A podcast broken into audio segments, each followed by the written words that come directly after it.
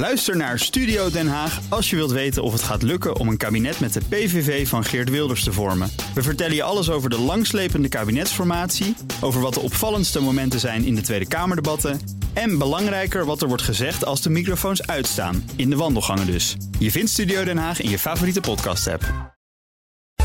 De BNR Techniek Tour wordt mede mogelijk gemaakt door Techniek Nederland. De ondernemersorganisatie voor de installatiebranche en technische detailhandel. BNR Nieuwsradio. De BNR Techniek Tour. Thomas Schuurman. De een trekt er 's ochtends vroeg zijn baantjes. De ander gruwt van de hygiëne en al dat chloor.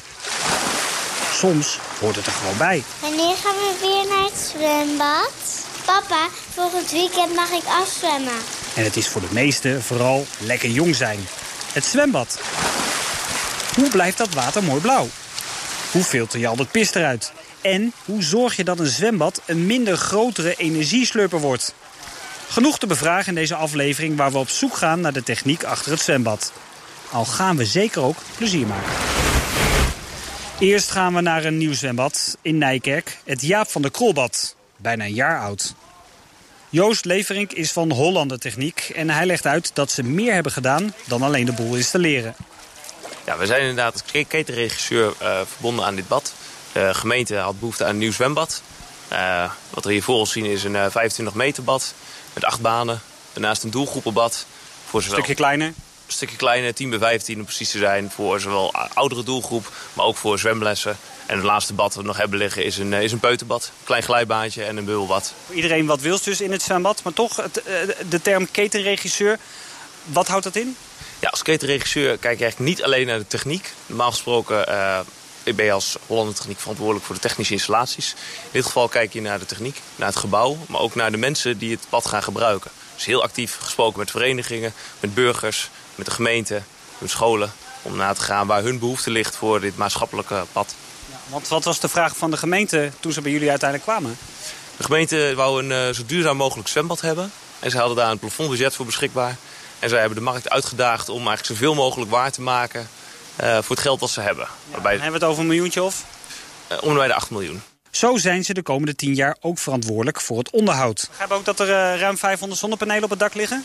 Klopt, de zonnepanelen zijn toegepast voor, onder andere voor de warmtepomp. Die zorgt voor, voor het grootste gedeelte voor de verwarming van het badwater. En daar uh, veel energie voor nodig. En uh, daar zijn ruim 500 zonnepanelen voor aangelegd. Is de bouw van zo'n zwembad uh, totaal anders geworden dan een jaartje of 30, 40 geleden? Ja, ik denk dat de complexiteit is groter geworden. De hoeveelheid techniek is groter geworden in zo'n bad. Um, dus de mate van samenwerking is nog veel belangrijker. Dat het, het gebouw heeft impact op de techniek. Maar ook het gedrag van de mensen heeft weer invloed op de techniek. Maar dat is wel een verschil met uh, vroeger, om het zo maar even te zeggen... dat uh, ja, jullie nu zelf ook zorgen dat dat zwembad goed blijft draaien. Ja, in het verleden was een, een exploitant die deed ook dergelijke problemen oplossen. Waar je nu ziet dat het, het beheeraspect is zowel de techniekbeheer... maar ook echt het gebouw en de schil van het gebouw beheren. Waarom doen ze dat gewoon niet zelf hier bij het zwembad? Het is specialistisch werk. Ja? Dat is het belangrijkste. Dat kan zo'n badmeester of juffrouw niet? Nou, ik weet niet of ik zelf wel zijn raam heeft vervangen. Ik heb het zelf ook nooit thuis gedaan. Laat ik ook specialisten komen.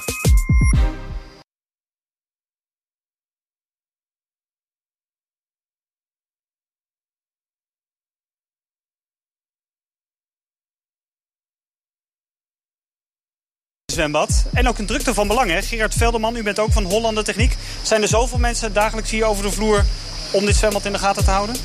Nou ja, eigenlijk niet. We zijn nu toevallig met, uh, met de uh, onderhoudwerkzaamheden bezig. Maar normaal gesproken zijn we hier een halve dag per week zijn we hier aanwezig... om de reguliere werkzaamheden te doen. En dan één of twee keer per jaar voor groot onderhoud. Het belangrijkste misschien van zo'n zwembad is natuurlijk wel... hoe hou je dat water ja, schoon? Hoe doen jullie dat? Nou, wij houden hier het water schoon door middel van uh, membraanfiltratie. Dat is toch wel ja, uniek voor ne Nederland. in, ja, hoezo? Wat nou, was hiervoor dan? Dat staat, normaal doe je het met, met een zandfilter. Oh. Een meerlaag zandfilter. Daar vult hij het water mee. Dat zijn bij alle zwembaden eigenlijk nog zo. Hier moesten we in verband met uh, de hoeveelheid water die we mochten gebruiken per zwemmer... moesten we voor een alternatief kiezen. We hebben gekozen voor membraanfilters. Want jullie mochten hier minder water per zwemmer gebruiken. Hoe zit dat? Ja, nou normaal gesproken zegt de wetgeving... moet je 30 liter water per bezoeker moet je verbruiken.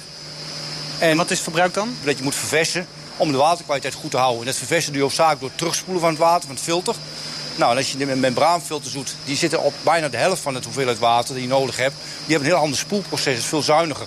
Dus daarmee konden we die, uh, ja, die ijs uh, aan voldoen. De membraanfilter is, iets, een, is een membraan met hele kleine poringgaatjes er allemaal in.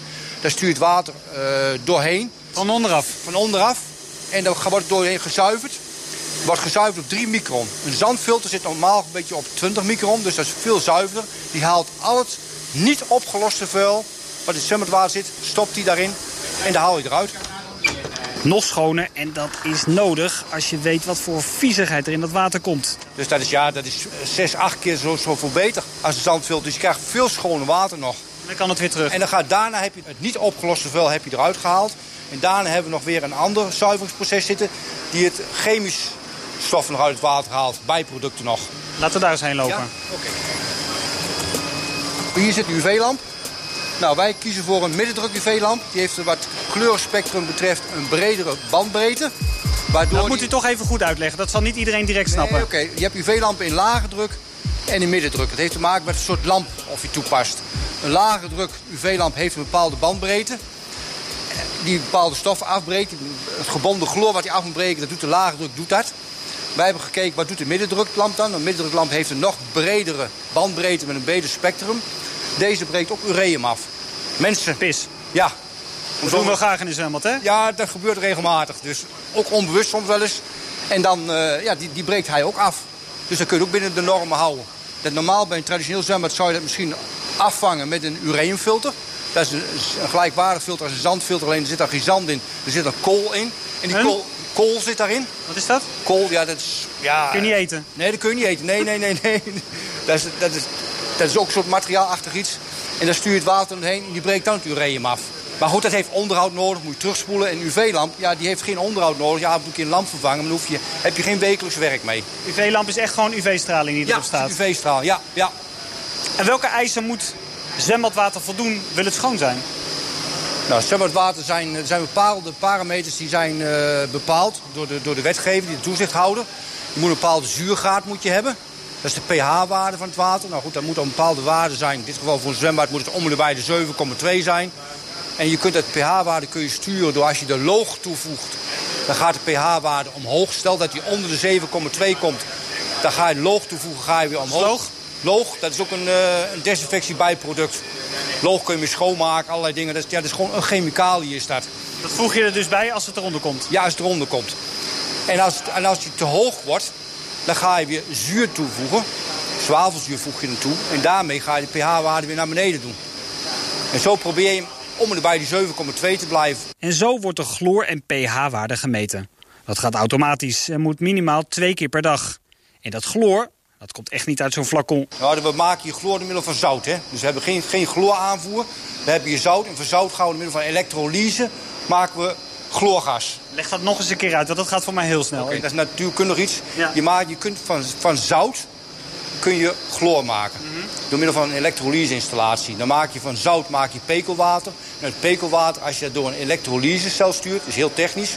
Maar dan komt daar chloorgas bij vrij. En dat chloorgas, dat injecteer je dan in het water. En dat werkt dan als chloor als desinfectie. Dus het is eigenlijk een natuurkundig proces om dat te, te verkrijgen? Ja, ja, ja, ja, ja.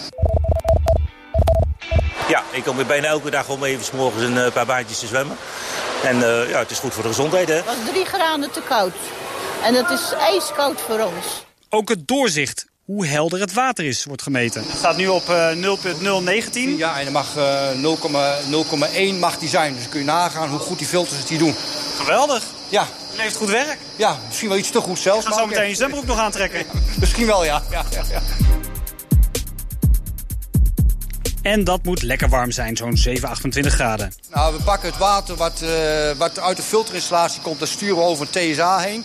Een TSA, en TSA? Dat is een, een, een warmtewisselaar die zwembadwater uh, opwarmt naar de gewenste temperatuur door middel van cv-warmte. Dus een externe warmtebron verwarmt die, die TSA tot de gewenste temperatuur dat het water wordt. Nou, dit, deze verwarmt het tot, uh, tot 34. Deze ja, want ik zie hier inderdaad een metertje staan. Hè? Een. Eigenlijk een oude temperatuurmeter. Gewoon uh, tussen de nou, 20 en de 40. Indicatie. Dit is de indicatie. En hier zit de automatische opnemer. Die regelt dan. Dus hier is het water nog iets warmer voordat het in het zwembad terechtkomt? Ja, ja nog iets warmer, ja. ja. Dat klopt. Dat is gewoon de afkoeling die je krijgt als het getransporteerd wordt? Ja, ja, ja dat is zo. Okay. Ja.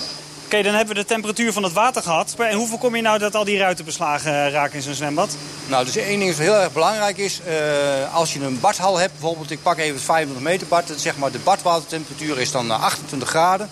Dan moet je er altijd voor zorgen dat je omgevingstemperatuur dat die minimaal een graad hoger is. Als die lager zou zijn, gaat het water uitdampen. Iedereen heeft misschien wel eens een keer gezien in een buitenbad. Als je daar Die nevel. Die nevel erboven, Ja. dat is uitdamping. Ja. Nou, dat veroorzaakt al die damp en vocht en dan krijg je beslagen raam van, dat wil je voorkomen. Dus je zorgt gewoon dat je ruimtetemperatuur minimaal 1 graad boven de watertemperatuur is. Bij ons is het ook altijd zo, wij maken het altijd zo. Wij koppelen de ruimtetemperatuur aan de watertemperatuur. Als iemand zeg maar, de watertemperatuur dus om, omhoog of naar beneden doet, gaat de ruimtetemperatuur automatisch mee om te zorgen dat daar geen probleem mee ontstaat. In de ruimte zit een vochtopnemer en een temperatuuropnemer. Nou, je zorgt minimaal dat je de minimale temperatuur haalt. En de vochtopnemer die kijkt ernaar. Een zwembad zeggen we normaal gesproken moet hij ongeveer een vochtgehalte hebben van 55% Lager is ook weer niet goed voor het, ge- voor het gebouw zelf. En te Want? hoog- nou, dat is gewoon niet goed voor de bouwkundige constructie niet. Die vindt dat als het te droog is, is het niet goed. Droogt het letterlijk uit. Dan droogt het gewoon uit. Dus eh, dat moet je gewoon niet hebben. Dus de ideale waarde is rond de 55% En als het te vochtig wordt, ja, is ook niet gunstig. Want als je dan daar gaat lopen, ervaar je dat is een hele benauwde lucht. Ga je heel erg van zweten. Toestand is ook niet goed. Dus 55% is ongeveer een goede waarde waar je op stuurt. Nou, waar- hoe, hoe ga je dat doen? Je brengt buitenlucht in het zwembad in. En je haalt dezelfde hoeveelheid lucht haal je er weer uit met een afzuig. Nou, de lucht die je afzuigt, daar zit dus warmte in. Die warmte kun je via een recyclesysteem kun je die weer toevoeren aan de inblaaslucht. Dat is een stukje duurzaamheid, energiebesparing. Ja. Dat kun je verschillende manieren doen. Maar ik denk dat ik dat nu allemaal Gebeurt uit- hier vooral. Dat gebeurt hier wel. nou, wat hebben we hier ook nog? Hier hebben we ook een BAOP systeem zitten. Een BAOP, wat betekent BAOP? BAOP betekent dat we de lucht in het zwembad onder een lichte overdruk inblazen. Dus we hebben in de zwemzaal een lichte overdruk. Normaal als je een, eh, een ventilatiesysteem hebt, is het een gebalanceerd systeem. Dus heb je geen, geen, vers- geen verschildruk. BAOP heeft dat wel. Dat heeft als voordeel dat je een hele goede luchtverdeling krijgt. Dat zorgt dat mensen er prettiger kunnen werken. Dank Gerard Velderman van Hollander Techniek. Straks gaan we ook een beetje lol trappen. Dan nemen we een duik in de wereld van de glijbaan. Ja, echt genieten. Je gaat gewoon zo snel naar beneden, joh. Ja. BNR Nieuwsradio. De BNR Techniek Tour. Welkom terug. Hygiëne in een zwembad, superbelangrijk. Aangenaam klimaat, fijn. Maar zwemmen is ook goed voor de stramme spieren. En natuurlijk leuk. meneer, hallo, één vraagje. Wat is, wat is de favoriete glijbaan? Drijkel. Want? Hij is leuk, snel, hij gaat hard. Is dit de favoriet, de Extreme? Ja, ik vind hem echt geweldig, man. Ja? Ja, echt genieten. Je Ja? gaat gewoon zo snel naar beneden, joh. Ja. We zijn in het Tikibad. Anderhalf kilometer glijbaanplezier. Wiskundig en technisch vernuft komen daar bij elkaar. We praten met Joost van Nistelrooy, hoofdtechniek, over de Triton. Ja, Triton is een, eh, een glijbaan waar eh, je met een eh, band naar beneden glijdt. Eh, en uiteindelijk eh, uitkomt in eh, drie verschillende cones. Daar moet een enorme bak water doorheen. Daar, of daar sturen we zo'n 500 kub water per uur naar boven. Dat gaat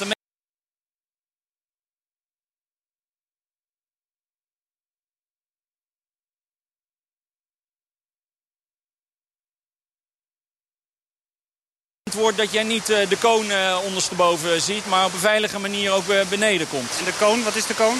De koon is eigenlijk een, een kegel waar je van de zijkant in wordt gelanceerd. En je op en neer door die kegel heen wordt gespuwd in het water. Om daar uiteindelijk weer in een eh, normale tube uit te komen op weg naar de tweede eh, kegel. En daar moet vooral ook voldoende water in staan. Ja, als je daar niet voldoende water in hebt, dan, eh, dan zie jij de kegel niet alleen van onder, maar ook van boven. Dat je alle kanten op gaat. En dan vlieg je alle kanten op. Maar al dat water dat moet ook omhoog gestuurd worden naar het beginpunt. Dat betekent dat het motortje onderin best wel wat kracht heeft. Ja, dat is een, eh, een behoorlijke motor. En de uitdaging van die motor is om die 500 kub eh, de lucht in te krijgen. En ook eh, de lucht in te houden. Dus dat zijn eh, behoorlijke massa's die je daar omhoog pompt. Veiligheid is alles. Is het bestaansrecht van het Tikibad, al dus van Nistelrooy. En juist dat ging mis bij een van de attracties. Bij de zogenaamde Xtreme werkte het valluik niet naar behoren. En dan heb je een probleem. Die glijbaan die zit vol met sensoren. En die sensoren die detecteren eigenlijk of de persoon voorbij een bepaald punt is... waardoor in het programma de volgende stap uitgevoerd kan worden. in het verleden is daar discussie over geweest of is daar een keer een incident geweest... waarbij een van de sensoren door vocht de straal af liet buigen... En tegelijkertijd een persoon een, een sensor triggerde... waardoor de attractie dacht dat de persoon al voorbij het luik was. Nou ja, dat is een waarschijnlijkheidsfactor van 0,0000x. Hè. Je, je kan het je bijna niet voorstellen. Dat gebeurde wel. Toch gebeurt. Nou ja, dan gaan we weer met keurende instanties, met de leverancier van de glijbaan op tafel.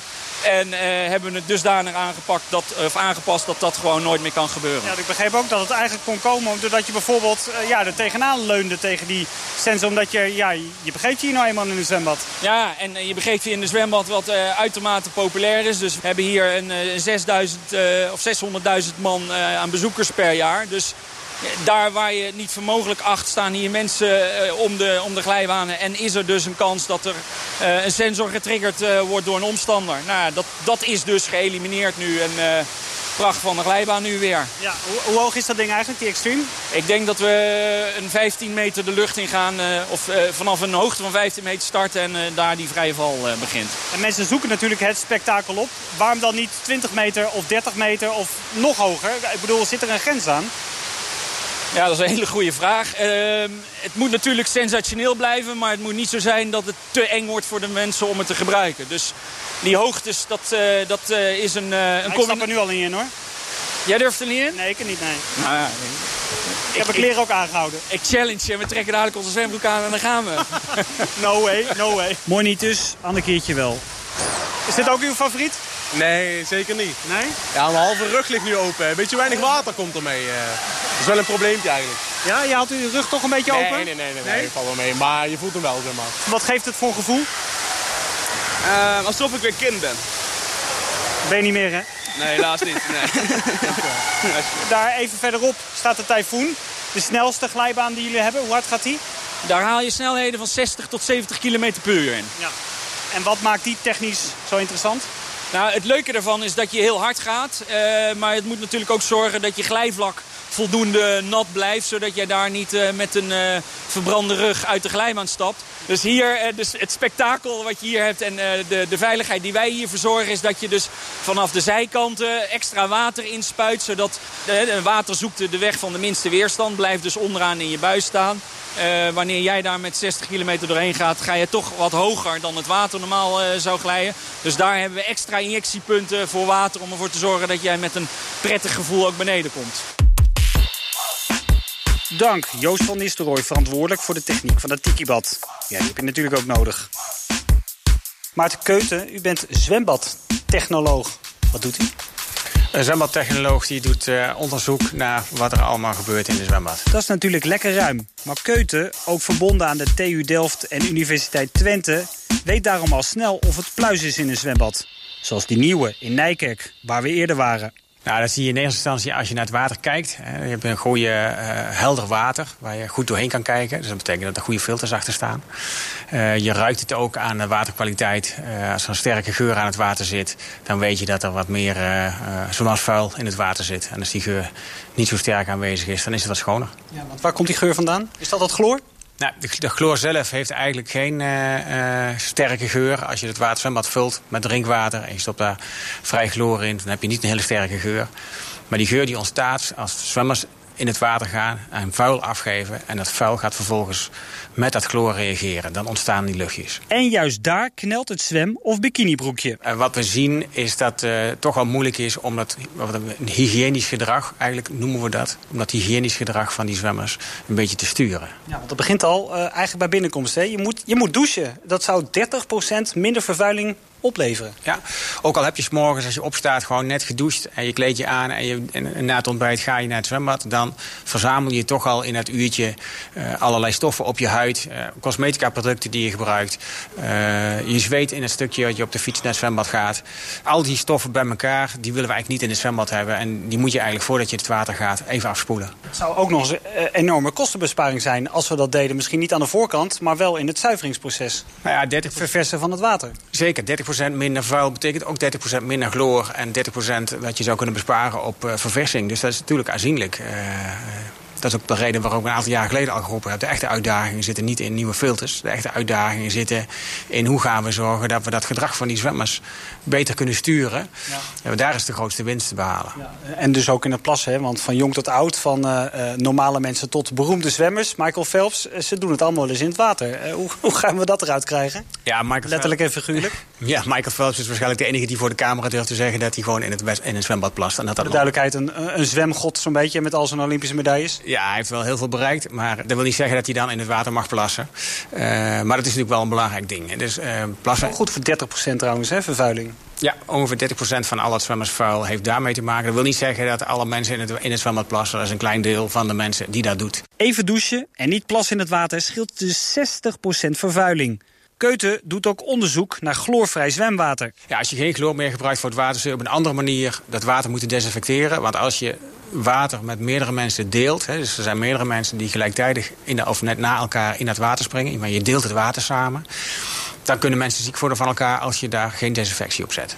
En dat is dus best een heel, hele andere bouw ook van zo'n zwembad. Ja, je zult dus inderdaad vanaf de bouw al daar anders mee bezig moeten gaan. Hoe ga je dat doen? Hoe ga je dat water rondpompen? Hoe ga je dan toch dat water desinfecteren? Krijg je dan hele andere filters of zo? Ja, je krijgt andere filters. Het lijkt een beetje op wat in dit zwembad staat. Maar wat in dit zwembad staat is natuurlijk niet wat we uh, in een gemiddeld zwembad hebben staan. Technieken zoals hier staan, gaan nog een stapje verder. Verwijderen nog iets meer van die deeltjes. En die technieken die ik in mijn zwembad zonder chloor uh, toepas... Die, die verwijderen zelfs bacteriën. Dus de bacteriën en virussen die mensen afgeven... die worden dan door die filters tegengehouden. Dank zwembadtechnoloog Maarten Keuten. Tot slot bellen we met Mark Gondlach. Hij is van Cobra Zwembadinspectie. Zwembaden moeten niet alleen hygiënisch zijn, ook veilig. Dan hangen er boven je hoofd uh, best wel een hoop zaken waar je niet echt bij stilstaat. Het uh, kan heel veel gewicht zijn. Uh, iedereen kent natuurlijk gewoon de plafonds. Uh, maar er hangen ook uh, ja, lampen, geluidsboxen, uh, maar kunnen ook gewoon trespa wandplaten zijn. Of houten plaat of wat allemaal kan vallen. we hebben het ook nog over glijbanen, springinstallaties, scorebord. ja, noem het maar op. Het hangt natuurlijk wel af van als we iets tegenkomen wat volgens de wet niet mag. Hè. Het gaat dus over roestvaststaal, geen roestvrijstaal. Heel veel mensen zeggen roestvrijstaal, maar het is roestvaststaal. Dus RVS kan ook correleren. maar als je het daarover hebt, dan hangt het natuurlijk wel af van uh, ja, hoe zwaar uh, is het onderdeel wat uh, verkeerd bevestigd is. En hoe hoog hangt het en waar hangt het. Hè? Kunnen zich überhaupt mensen onder bevinden? Niet onbelangrijk. Vooral ook omdat corrosie, de aantasting van materialen, niet altijd goed zichtbaar is. Roest vaststaal, uh, dat mag uh, in de meeste gebieden in het zwembad niet meer. Alleen nog geen het natte gebied. Uh, dus je, je moet gewoon ja, normaal staal gebruiken. Hè? Normaal staal wat corrodeert, laat ik zeggen, homogeen algemeen aan de oppervlakte. Dus dat kennen we allemaal, dus rode roest. Hè? En RVS, dat corrodeert dus geurvormend. Dus het, we hebben het hier over chloride spanningscorrosie. Chloride spanningscorrosie. Dus dat wil zeggen, dus uh, onder invloed van bepaalde van, van chloride kan RVS zijn beschermende oxidelaagje niet goed vormen. Maar dan wordt heel technisch. waardoor dus de corrosie op dit type RVS in deze omstandigheid scheurvormend groeit. ja, dat wil dus zeggen, als je een boutje schroefje hebt, dan zie je eigenlijk weinig tot geen corrosie. Maar uh, de groeit een scheur die je niet kan zien. En dan breekt de boel af. Omdat het technisch ingewikkelde complexen zijn, wordt niet alles bij het zwembadpersoneel gelegd. De overheid die heeft er wel ook voor gekozen met deze nieuwe wetgeving. Hè? Uh, om dus uh, iets meer uh, verantwoordelijkheid bij het zwembadpersoneel zelf weg te halen. Dus meer extern zoals inspectiebureaus zoals Cobra. Uh, om daar meer het werk te leggen. Dat, omdat dus de badmeesters zelf, uh, je kan niet verwachten dat die mensen allemaal natuurlijk technisch zijn. Die kijken natuurlijk heus wel van, uh, ja, is het veilig? Hè? Alleen het, ja, het zijn over het algemeen toch, die, die gaan wat minder diep op de materie in. Zwembadinspecteur Mark Gonlach. Dat was de BNR Techniektour voor vandaag. Terugluisteren kan via de app of Spotify. Volgende week horen we hoe een energie-neutraal hotel niet altijd even comfortabel is voor de gasten. De BNR Techniek Tour wordt mede mogelijk gemaakt door Techniek Nederland. De ondernemersorganisatie voor de installatiebranche en technische detail. Bij BNR ben je altijd als eerste op de hoogte van het laatste nieuws. Luister dagelijks live via internet. Bas van Werven. En heel langzaam komt de zon op rond dit tijdstip. Je krijgt inzicht in de dag die komt op BNR, het Binnenhof in Nederland en de rest van de wereld. De Ochtendspits. Voor de beste start van je werkdag. Blijf scherp en mis niets.